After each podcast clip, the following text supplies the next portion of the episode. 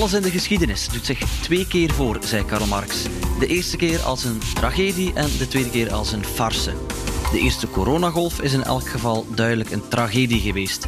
Wereldwijd zijn er al een half miljoen mensen aan overleden. En de economie kreeg een oplawaai zoals we die in geen tijden meer gezien hebben.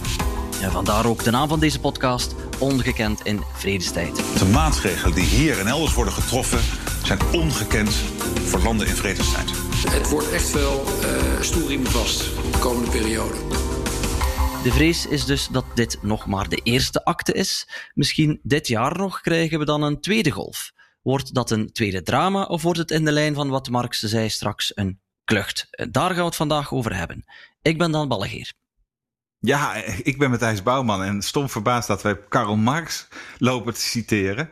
Uh, dat had ik niet gedacht toen ik deze podcast met jou begon, uh, Daan. Dan gooi ik uh, Friedrich Hegel erin. de, nou, ergens de vader van Marx, maar ook wel misschien wel zijn vijand. En die zei: Wat we leren van de geschiedenis is dat we niet leren van de geschiedenis. Dus we gaan het hebben over de eerste golf en dan, ja, wat leren we daar nou van voor de tweede golf? Nou, volgens Hegel niets, maar misschien ietsje meer. En aan het einde van deze aflevering krijgen we natuurlijk weer onze favoriete rubriek Neighbors. En dit keer hebben we wel een hele bijzondere gast. Uh, William de Velder, dat is de hoofdeconoom van BNP Paribas. Die ons gaat vertellen hoe het allemaal bij onze buren in Frankrijk gaat. Uh, uh, BNP Paribas is niet alleen de grootste bank van Frankrijk. Maar het is natuurlijk, dat weten wij in Nederland wel, maar dat willen we nooit zeggen, de grootste bank van heel Europa. Ja, en hoe het gaat in, in Parijs en hoe de, hoe de Fransen de coronacrisis tot nu toe hebben aangepakt. Daar gaat hij over vertellen. Eh, nog een punt van orde voor we effectief van start gaan met uh, het onderwerp. En dat is uh, dat de aflevering van volgende week volledig aan jullie, de luisteraars, gewijd is. Als je dus een uh, vraag wil stellen, stuur die op naar ongekendinvredestijd.fd.nl. doe dat eventueel met een geluidsbestandje, dan kunnen we dat vlot in de uitzending monteren. Hou je vraag wel to the point, anders moeten we erin knippen en dat is ook voor ons niet zo handig. En als je liever mailt in plaats van iets inspreekt, geen probleem. Dan lezen de kinderen van Matthijs de vraag graag in voor jou. En dan verdienen ze ook wat uh, zakgeld, want hun papa is naar het schijnt nogal een gierige vrek. Oh ja, ja, nee, nou, ik, zal, ik zal het ze vragen. Ik denk dat ze dat wel willen doen. Dus dan krijg je je, je vraag voorgelezen door een, eh, een, een, een van de twee zonen van de econoom. Dat is fantastisch. Voor we het over de tweede golf hebben, nog iets over de eerste golf. Uh, we zijn deze week officieel uit de lockdown gegaan. Uh, en ik moet zeggen, voor mij voelde dat niet echt anders als vorige week. Was dat voor jou wel een andere gewaarwording? Nee, eigenlijk niet. Ik heb, ik heb niks gedaan wat uh, nu mag, nu de lockdown voorbij is. Ik uh, ben niet naar restaurants gegaan. Ik ben niet naar theaters gegaan. Ik, ik heb eigenlijk gewoon mijn heerlijke rustig leventje doorgezet. Ik denk dat veel Nederlanders dat hebben gedaan. Ik denk ook de horeca een beetje teleurgesteld is over hoe hard de economie nu weer aantrekt, nu het eindelijk weer mag. We zijn denk ik toch nog een beetje voorzichtig. Wel, er is heel wat dat we geleerd hebben uit deze coronacrisis tot nu toe. Tegelijkertijd wapent ons dat niet volledig voor wat in de toekomst komt. En er was iemand uh, die daar ooit een geweldige uitspraak over had. En dat is uh, Donald Rumsfeld, die onder Bush uh, minister van Defensie was. As we know, there are known knowns. There are things we know we know. We also know there are known unknowns. That is to say, we know there are some things we do not know. But there are also unknown unknowns. The ones we don't know, we don't know. Ik zou dus zeggen, er is heel veel dat we niet weten, maar we hebben toch wel uh, al bepaalde dingen geleerd uit de eerste golf van deze coronacrisis. Um, denk jij dat we daarmee voldoende weten uh, om die unknown unknowns die op ons afkomen het hoofd te bieden? Ja, dat is inderdaad, het is ook wel lekker makkelijk van Rumsfeld, hè? want uh, dan hoef je het ook niet te modelleren. De dingen die je niet weet, dat je niet weet. Dan kun je altijd zeggen van als het allemaal misgaat, ja, dat waren de dingen die ik niet wist dat ik niet wist. Uh, maar ergens diep heeft hij natuurlijk wel, wel gelijk. Ik denk dat we wel wat dingen hebben geleerd van deze eerste golf. Um, bijvoorbeeld dat als er nog een tweede golf komt, hè, en we hopen natuurlijk allemaal dat het niet gaat gebeuren, maar uh, we kunnen het niet uitsluiten. En eh, Daan, jij en ik hebben er geen verstand van of dat wel of niet gaat gebeuren. Maar als dat komt, denk ik eerlijk gezegd niet dat het kabinet zal reageren met een totale lockdown. Je hoort ministers en ook Rutte wel af en toe wat dingen laten vallen over dat ze de volgende keer veel specifieker zullen zijn. En bijvoorbeeld uh, regionaal de boel zullen sluiten. Zoals je ook in andere landen nu ziet, van als er ergens een uitbraak is in, in nou, laten we zeggen in regio Hoorn-Enkhuizen in, in Noord-Holland, laten we het maar hier in de buurt houden bij mij. Ja, dan gaan we gewoon even die buurt gaan we managen. En dat kan natuurlijk ook gelden voor sectoren. Als we zien dat het toch weer opflakkert, hoeft niet de hele horeca dicht, maar misschien alle restaurants die geen terras hebben. Of alle restaurants waar juist heel veel mensen binnen zitten en liedjes zingen. En dat kan ook gelden, maar dat durven we niet zo goed in Nederland, voor leeftijdsgroepen. Dus dat je zegt niet een lockdown voor iedereen, maar vooral een lockdown voor mensen die uh, heel kwetsbaar zijn voor het virus. Nou, dat laatste, denk ik, als je kijkt naar de discussie van de afgelopen weken over uh, leeftijdsdiscriminatie in de gezondheidszorg, dat we dat niet aandurven. Maar regionaal en sectoraal moet die volgende lockdown toch wel. Uh, dus in fitnesscentra bijvoorbeeld zouden mensen onder de 35 uh, als allereerste weer zich in het zweet mogen werken. Dan misschien een paar weken later de, de, de tot 45-jarigen. En uh, pas als we allemaal een vaccin hebben, mogen de 70-jarigen terug op de home trainer. Ja, het, het moeilijke is natuurlijk dat ook die, die, die, die 25-jarigen en 40-jarigen gewoon besmettelijk zijn in de tijd dat ze nog niet weten dat ze ziek zijn. Dus die moeten dan ook niet allemaal bij hun opa en oma op bezoek gaan. Dus dat maakt denk ik die leeftijdsdiscriminatie een beetje moeilijk.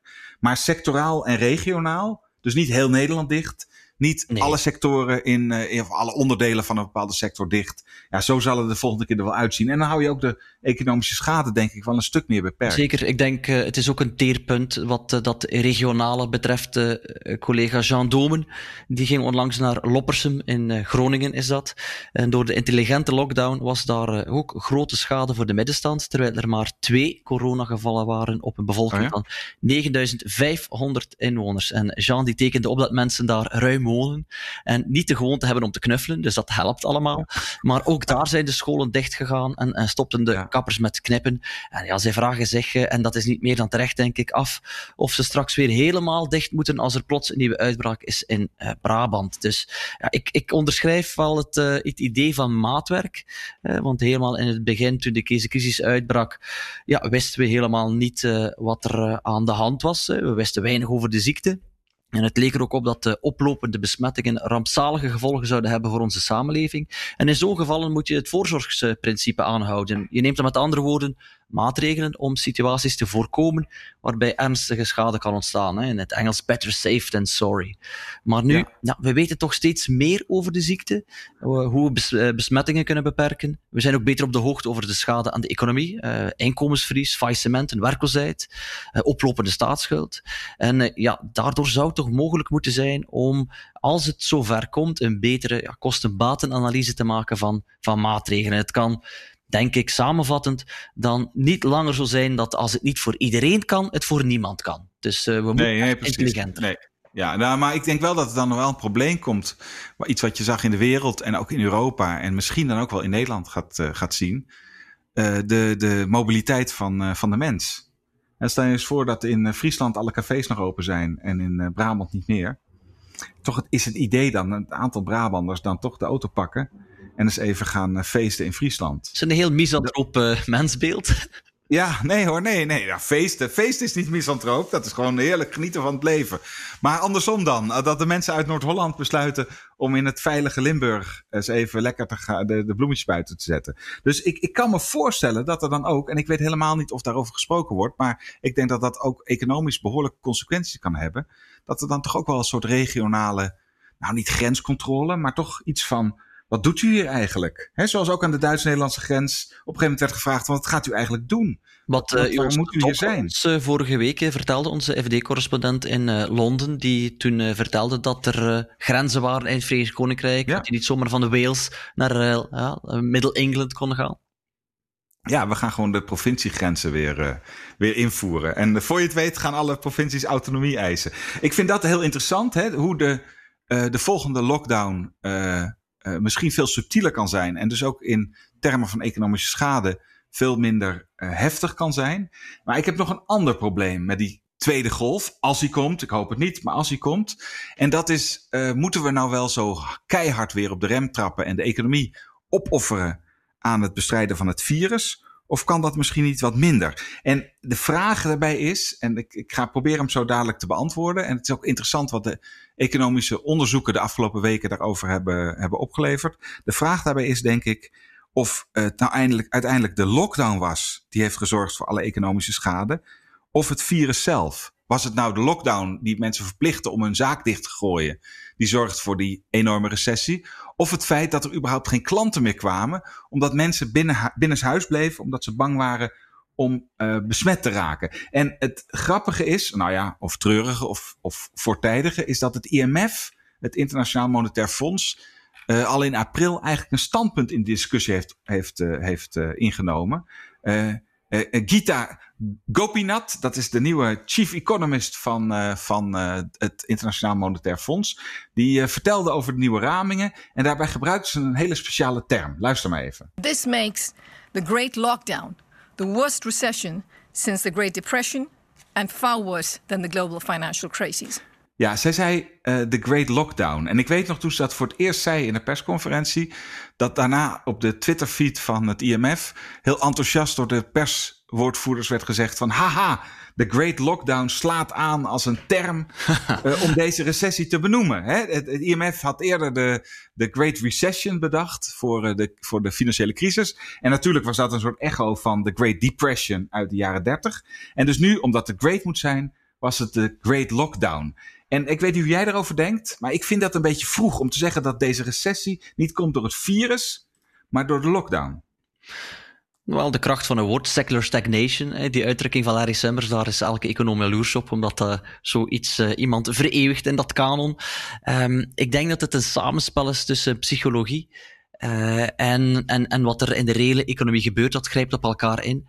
Ik denk ook sowieso dat er een verschil is tussen een eerste golf, waar we, zoals ik net zei, allemaal een beetje uh, als koeien naar een passerende trein zaten te kijken en te proberen uh, achterhalen wat is er nu aan de hand. Dus ik mag mm-hmm. hopen dat we bij een herhaling toch iets beter kunnen inschatten wat het betekent, dat bedrijven zich daar beter kunnen op instellen, dat ook de overheid dat ja, iets, iets wat beter kan begeleiden.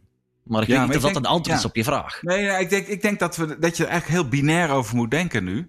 Er is ook wel binnen Nederlandse economen wel een discussie ontstaan. Uh, waarin uh, sommige gezondheidseconomen zeggen van. Jongens, je moet bij de volgende fase van de, van de, van de virusuitbraak. moet je gewoon heel hard in durven te grijpen om, die virus, om dat virus te bestrijden. Anders is de economische schade heel hoog.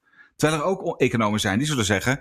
Ja, wacht even. Die lockdown heeft voor de ellende gezorgd. De volgende keer dat het virus uitbreekt. en we hebben genoeg IC-plaatsen en we hebben er goed over nagedacht hoe de zorg wordt ingericht, dan hoeven we juist niet zo hard op de rem te trappen. En eh, om, in Nederland spreken de politici zich, zich daar natuurlijk niet zo heel erg uitgebreid over uit. Maar als je kijkt naar zeg maar het, de parodie op de politiek, namelijk de Amerikaanse politiek, dan zie je dat daar Trump en Biden echt volledig verschillende posities innemen als het gaat over de oorzaak van, uh, van de crisis. Luister eerst maar even naar wat Trump een maand geleden zei. No, no, we cannot let the cure be worse than the problem itself. We're not going to let the cure be worse than the problem. Ja, hij, hij zei het zelfs twee keer, hè? zoals je hoort. Uh, uh, dat grappig was, in, die, in die speech las hij gewoon voor van een schermpje. En toen zei hij, the cure cannot be worse than the problem. En toen dacht hij, hey, dat is een leuk citaat. En toen citeerde hij zichzelf meteen weer. En dan zegt hij in de tweede instantie... As the great hele, Donald Trump ja, once said. ja, exact. Dus dan zei je, oh, dat is een goeie. Die ga ik nog even zeggen op een echt uh, positief Trump-toontje. Dus hij zegt, the cure cannot be worse than the problem. Met andere woorden, we moeten de lockdown beëindigen, want dan, dreigt, dan gaat de economie erop vooruit. He, dat, dan, dan verdienen we meer geld of dan blijf, blijf, krijgen mensen meer uh, geluksjaren of uh, wat dan ook ten opzichte van de situatie met een lange lockdown. Wat zei Biden dan? Biden zegt subtiel, want die praat niet zo heel duidelijk als Trump Precies het omgekeerde. In May, I condemn the false choice between preserving public health and our economy. I urge the administration to focus on the basic public health measures like testing that would enable us to sustain our economic recovery. Trump's response he pushed for reopening without regard to safety and called testing, quote, frankly overrated. Ja, Biden zegt dus het omgekeerde. En je moet dat een beetje hinein interpreteren natuurlijk. Maar die zegt van uh, als je de economie te vroeg open. Nee, de, de, de lockdown te vroeg beëindigt. krijg je het virus terug. En dat is juist slecht voor de economie. Dus die zegt van uh, de, de virusbestrijding en economische groei zijn complementair aan elkaar. En Trump zegt virusbestrijding en economische groei zijn substituten. Dat, dat, je moet kiezen tussen een van de ander. En, en dat klinkt, in Amerika is alles natuurlijk zwart-wit, yin-yang. Uh, als de ene het ene vindt, vindt de ander het ander. Maar ik denk wel dat we in de herfst, mocht er een tweede golf komen, wij precies in Nederland ook die discussie gaan krijgen. Ja, ik uh, ben maar een eenvoudige econoom en dus uh, helemaal geen viroloog. Dus wat ik zeg kan onbetekenend zijn. Niettemin wil ik het toch vermelden. Het lijkt mij alsof Trump, terwijl een, een, bosbrand nog aan het woeden is, zegt we moeten stoppen met blussen, want ja, we, hebben, we hebben gewoon die, die activiteit nodig. Eh, terwijl eh, wat Biden zegt voor mij klinkt als uh, we moeten eerst zorgen dat hij in de kiem gesmoord is, uh, deze ziekte. En daarna kunnen we verder. Dus ik zie niet meteen de, de, de, de enorme tegenstelling. Uh, want hier ook, okay. in, hier ook in Nederland hebben we toch geprobeerd om het zo goed mogelijk te doen om die economie weer op te starten, maar wel nadat we onder de grens gezakt zijn. En ik heb de indruk in de Verenigde Staten dat die ondergrens nooit helemaal bereikt is. Ja, dat is waar hoor. In Nederland hadden we natuurlijk de intelligente lockdown. En de intelligente lockdown was natuurlijk al een soort uh, uh, uh, ja, af, afruil in, in, in zichzelf. En we gaan een lockdown doen, dat is natuurlijk dom. Keihard alles dichtgooien. Maar wij doen het intelligent, want we gaan er een beetje rekening mee houden dat het niet te veel economische schade moet opleveren. Maar, maar deze vraag komt wel terug. En er komt een moment waarop we moeten zeggen: mocht er een tweede golf komen, doen we nou wel of niet weer de horeca dicht? Vanwege het algemeen belang. Maar ik denk dat Trump zichzelf in de voet schiet door uh, te doen alsof uh, uh, het medicijn erger is dan de kwaal. Want werkgevers die nog altijd in dubio zijn of ze straks weer gewoon kunnen werken of dat de mensen thuis moeten blijven.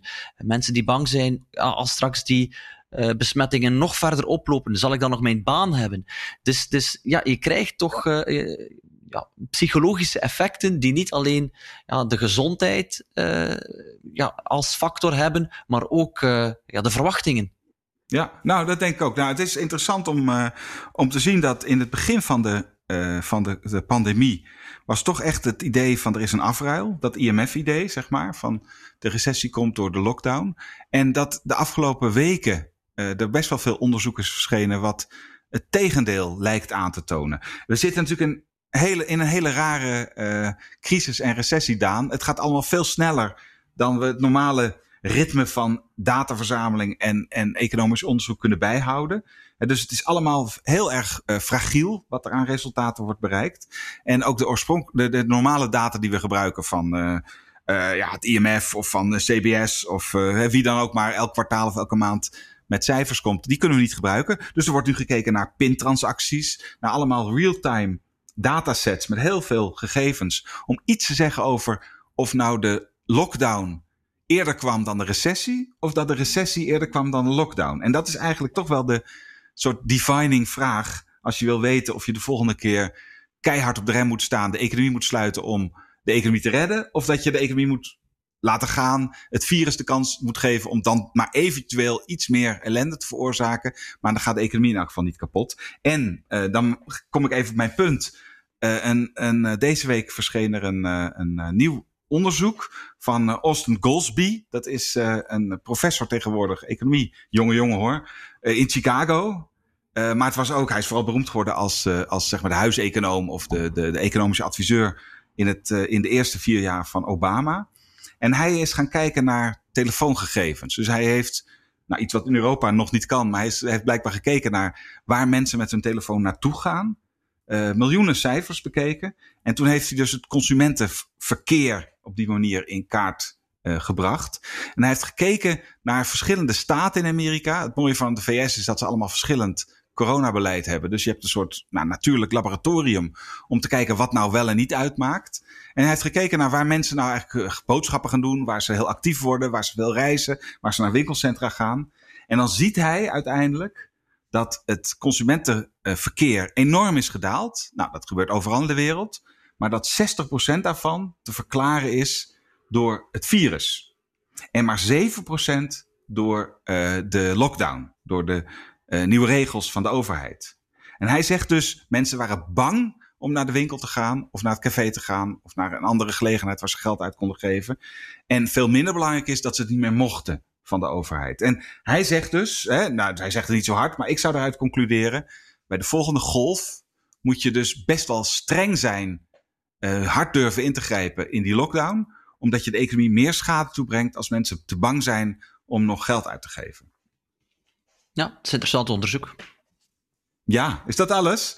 Dit is gewoon een definitieve resultaat. nu weten we wat we moeten doen in de herfst. We moeten gewoon weer een keiharde lockdown doen daar. Wel, wat we, wat we zeker moeten doen, en dat is dan denk ik uh, iets wat mij gewoon na aan het hart ligt, vandaar dat ik het uh, even opbreng, is uh, dat we naar een massale productie moeten van het vaccin zodra dat er komt. Want we spreken nu over de herfst en dat vaccin is misschien pas volgend jaar. Maar het is, als het er komt, gewoon heel belangrijk dat het er in grote getalen komt. Hè. Dat een land niet gewoon kan zeggen, we trekken alle productie naar ons toe, omdat er te weinig voorhanden is en we willen de eigen burgers uh, sowieso het eerst bedienen. Ja.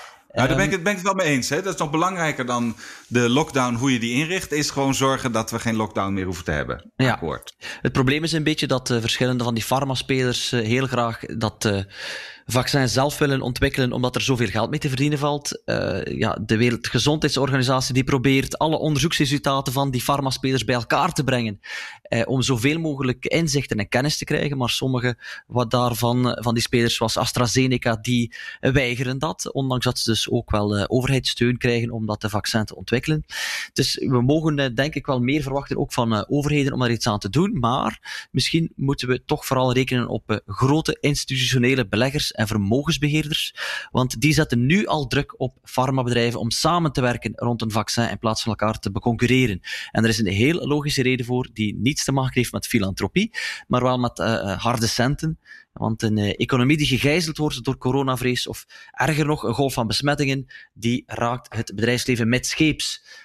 En van die bedrijven hebben die institutionele beleggers zoals BlackRock, Fidelity en Amundi ook aandelen. Dus ja, die gedijen als de economie gedijt.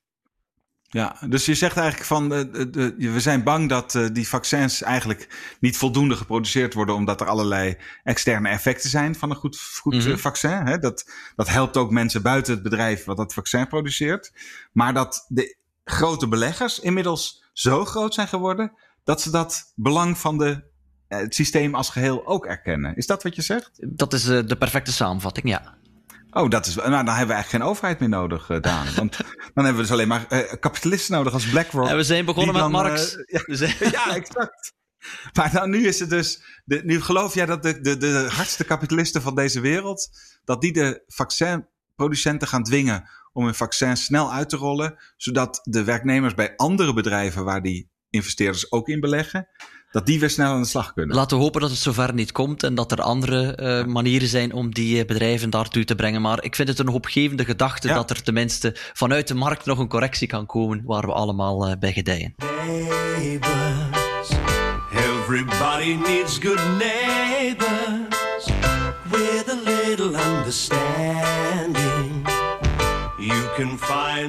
Toegegeven, het is enkel een buur van Nederland via Sint Maarten, maar toch, het telt. Frankrijk is een buurland en dus verdient het een plaats in deze rubriek Neighbors. Mijn gast is een oude leermeester, William de Veilder. Toen ik aan de Universiteit van Gent studeerde, gaf hij daar het vak Economische Bewegingsleer, conjunctuuranalyse dus. Nu is hij de hoofdeconoom van de Franse bank BNP Paribas. Ik ken echt niemand beter die uh, kan bespreken hoe Frankrijk deze coronacrisis aanpakt dan hem. Dus uh, William, bedankt dat je hier tijd voor maakt. Gedaan, graag gedaan. Uh, William, ik heb familie die in Frankrijk woont, in Rijssel. En toen ze mij vertelden hoe strikt er lockdown was op het hoogtepunt van de crisis, dan schrok ik mij daar toch een hoedje van. Fransen mochten niet verder dan één kilometer van huis gaan, één keer per dag en niet langer dan één uur. Met hele zware boetes voor overtreders. In Tours kreeg een vrouw een boete van 360 euro, omdat zij twee cakes had gekocht in de supermarkt. De agenten die haar tegenhielden, vonden dat geen essentiële aankoop. Nu, ik heb begrepen dat jij in België vooral gewerkt hebt tijdens deze crisis, maar je moet van collega's wel meegekregen hebben hoe het daar was. Uh, wat, uh, wat, wat, wat, vind je daarvan, van die aanpak? Het was inderdaad een heel strikte aanpak. Het is ook zo dat tijdens de lockdown Um, werkte ik vanuit België, van thuis, maar ik volgde natuurlijk nog altijd het Franse nieuws en bovendien had ik dagelijks gesprekken uh, met mijn collega's in Frankrijk, die dan ook van thuis uit werkten bij hen. De maatregelen waren heel strikt, uh, nu nog altijd in zekere zin. Bijvoorbeeld wanneer u nu op de Franse spoorwegen um, de trein neemt en je draagt geen masker, dan loop je het gevaar een boete te krijgen. En dat kost jou 135 euro de eerste keer. Als men jou twee keer betrapt, zal het meer zijn. Oké. We zijn nu uh, vier maanden na de start van de coronacrisis. Uh, Matthijs had mij opgedragen dat ik jou moest vragen naar het rapportcijfer dat je de Franse regering uh, zou geven over de aanpak tot nu toe. De score is hoog, dus op ja, waar moet je het plaatsen? Op een score van 0 tot 10. Um, ja, ik zou zeggen een 8 bijvoorbeeld, iets in die buurt. Um, omdat ze heel snel en heel correct maatregelen hebben genomen, maar die ook wel de, uh, de goede maatregelen waren. Uh, een heel belangrijke maatregel bijvoorbeeld is de um, garanties die ze hebben geïntroduceerd uh, voor de leningen van bedrijven die een tekort hadden op het vlak van een kaspositie. Dat is een heel belangrijke maatregel. Um, andere maatregelen die ze hebben genomen slaan op de tijdelijke werkloosheid, waarbij dus bedrijven gecompenseerd worden voor het feit dat ze ehm, hun werknemers tijdelijk werkloos uh, moeten maken, maar ze toch wel um, nog altijd blijven betalen. Uh, dat zijn maatregelen die niet uniek zijn aan Frankrijk, maar wat opvalt is dat ze ze snel hebben genomen en dat ze um, heel kordaat waren, snel aangekondigd. Dat werkt vertrouwen. Het is ook zo dat men daarnaast nog een heleboel andere maatregelen heeft, gedaan, eh, heeft genomen.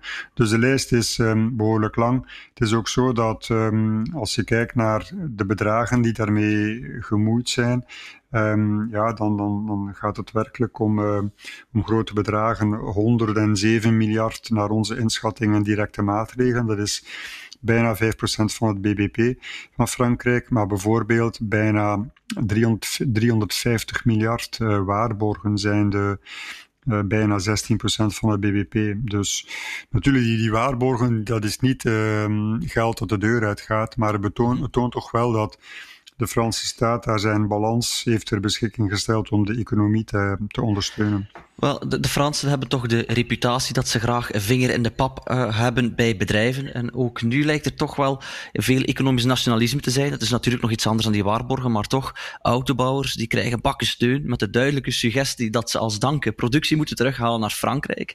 Hoe populair is dat oude beleid van die nieuwe president Emmanuel Macron? Maar het is zo dat de, specifiek dus de maatregelen gericht naar de autoconstructeurs. De, er is een engagement dat gevraagd wordt om de investeringen op te voeren. Um, dus we mogen dat niet zomaar verbinden met uh, dingen die jullie vroeger deden in het buitenland, moeten jullie vanaf nu in Frankrijk doen. Natuurlijk ergens heb je begrip voor die maatregelen, omdat de regering zegt van uh, als wij jullie helpen, what's in for us? Dus wat krijgen wij dan? Dus het feit dat er um, gezegd wordt bij jullie gaan investeringen doen, uh, denk dan aan Frankrijk. Um, ja, ik begrijp dat wel.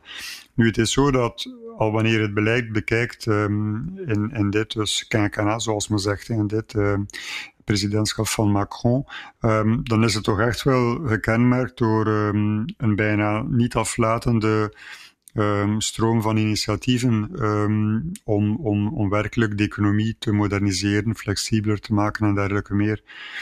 Het is wel zo dat de pandemie in Frankrijk, maar ook in veel andere landen, ergens een wake-up call was. Dus dat men zich realiseerde dat de sterk doorgedreven economische efficiëntie, punt 1. En punt 2, het feit dat gezinnen een voorkeur hebben voor goedkope producten in plaats van iets duurdere producten, er had toe geleid dat er heel veel uh, productie zich um, verplaatst had naar heel verre oorden. Uh, je denkt dan natuurlijk aan Azië, China en dergelijke mm -hmm. meer.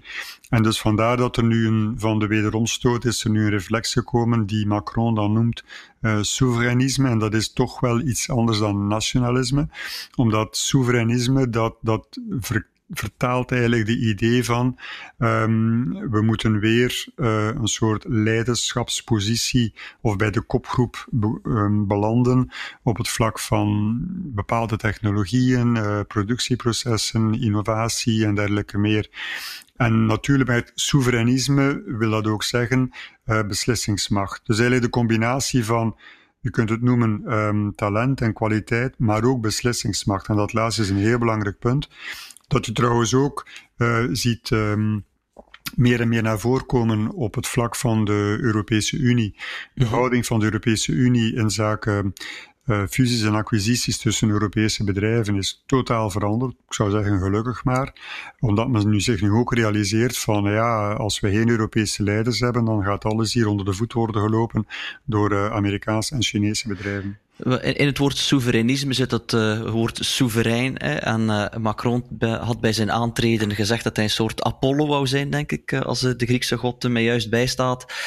Daardoor komt bij mij de vraag op of de aansturing in Frankrijk vanuit het Elysée Uh, van bovenaf. Hè. Je zei het zet heel veel in beweging, maar het lijkt mij te klinken alsof het vanuit het Elysée vooral komt. Ja, botst dat niet met de aanpak van de crisis op het regionale niveau? Want Frankrijk is gewoon ook een groot uitgestrekt land en wat op het platteland gebeurt kan een hele andere aanpak vergen dan in de stad. Ja, heel goede vraag. Um, trouwens, uh, het was um, Jupiter waar, waar hij ah. naar verwijst. Dus uh, dat is hem trouwens nadien kwalijk genomen. En bij de eerste maanden na zijn aantreden werd vaak naar hem verwezen als uh, Jupiter. Um, het is inderdaad zo dat Frankrijk is een heel centraal gestuurd, aangestuurd land. Het punt is dat um, ondanks die centrale aansturing en die bijzonder ambitieuze beleidsagenda, tezelfde tijd uh, constateer je dat op lokaal niveau de, de, burgemeester toch wel heel wat te zeggen heeft. En, en dus dat daar ook, je ziet bijvoorbeeld in de, de wijze waarop men um, reageerd heeft op de, op, de, op de pandemie, dat er toch wel een groot verschil maakt tussen um, wat de ene burgemeester heeft beslist uh, versus de andere. Dus dat is ook wel een interessant uh, gegeven. Maar we mogen niet um, vergeten, terugkerend naar het uh, gele fenomeen, dat er ergens onderhuids toch wel een, een heel sterk gevoel was van Frankrijk, dat wordt eigenlijk gedirigeerd uit Parijs. En wordt dan nog in Parijs, wordt er dan nog gedirigeerd vanuit het Elysée. En dus dat er daar een soort groot gevoel was van een, uh, toch wel een grote in, uh, afstand tussen uh, de verschillende regio's en, um, en het centrale en Parijs. Um, en dat heeft ook te maken natuurlijk met het feit dat de economische divergentie tussen de, de regio's, het platteland eigenlijk, en en Parijs sterk was toegenomen. Frankrijk is een land met, je hebt een aantal echt um, grote metropolen. Um, ja, natuurlijk Parijs, maar je hebt dan ook um, Lyon bijvoorbeeld, uh, Marseille heel belangrijk, uh, Toulouse met, met, uh, met Airbus, Bordeaux natuurlijk. En, en, maar dan heb je echt zo het, het, het platteland. En het platteland, daar heb je, men, men spreekt daarover soort woestijnlandschap dat dan spreekwoordelijk ontstaat. Uh, desertification noemt men dat. En um, dat is toch wel een heikel punt. En dat, uh, dat is al vele jaren een heikel punt, nog van voor Macron verkozen werd. Bedankt voor die heldere uitleg. Daarmee zijn we aan het einde gekomen van deze aflevering. Vergeet het niet, heb je vragen voor ons over de coronacrisis, stuur die dan op naar ongekendinvredestijd.fd.nl en dan proberen wij die volgende week te beantwoorden. Bedankt om te luisteren et au revoir.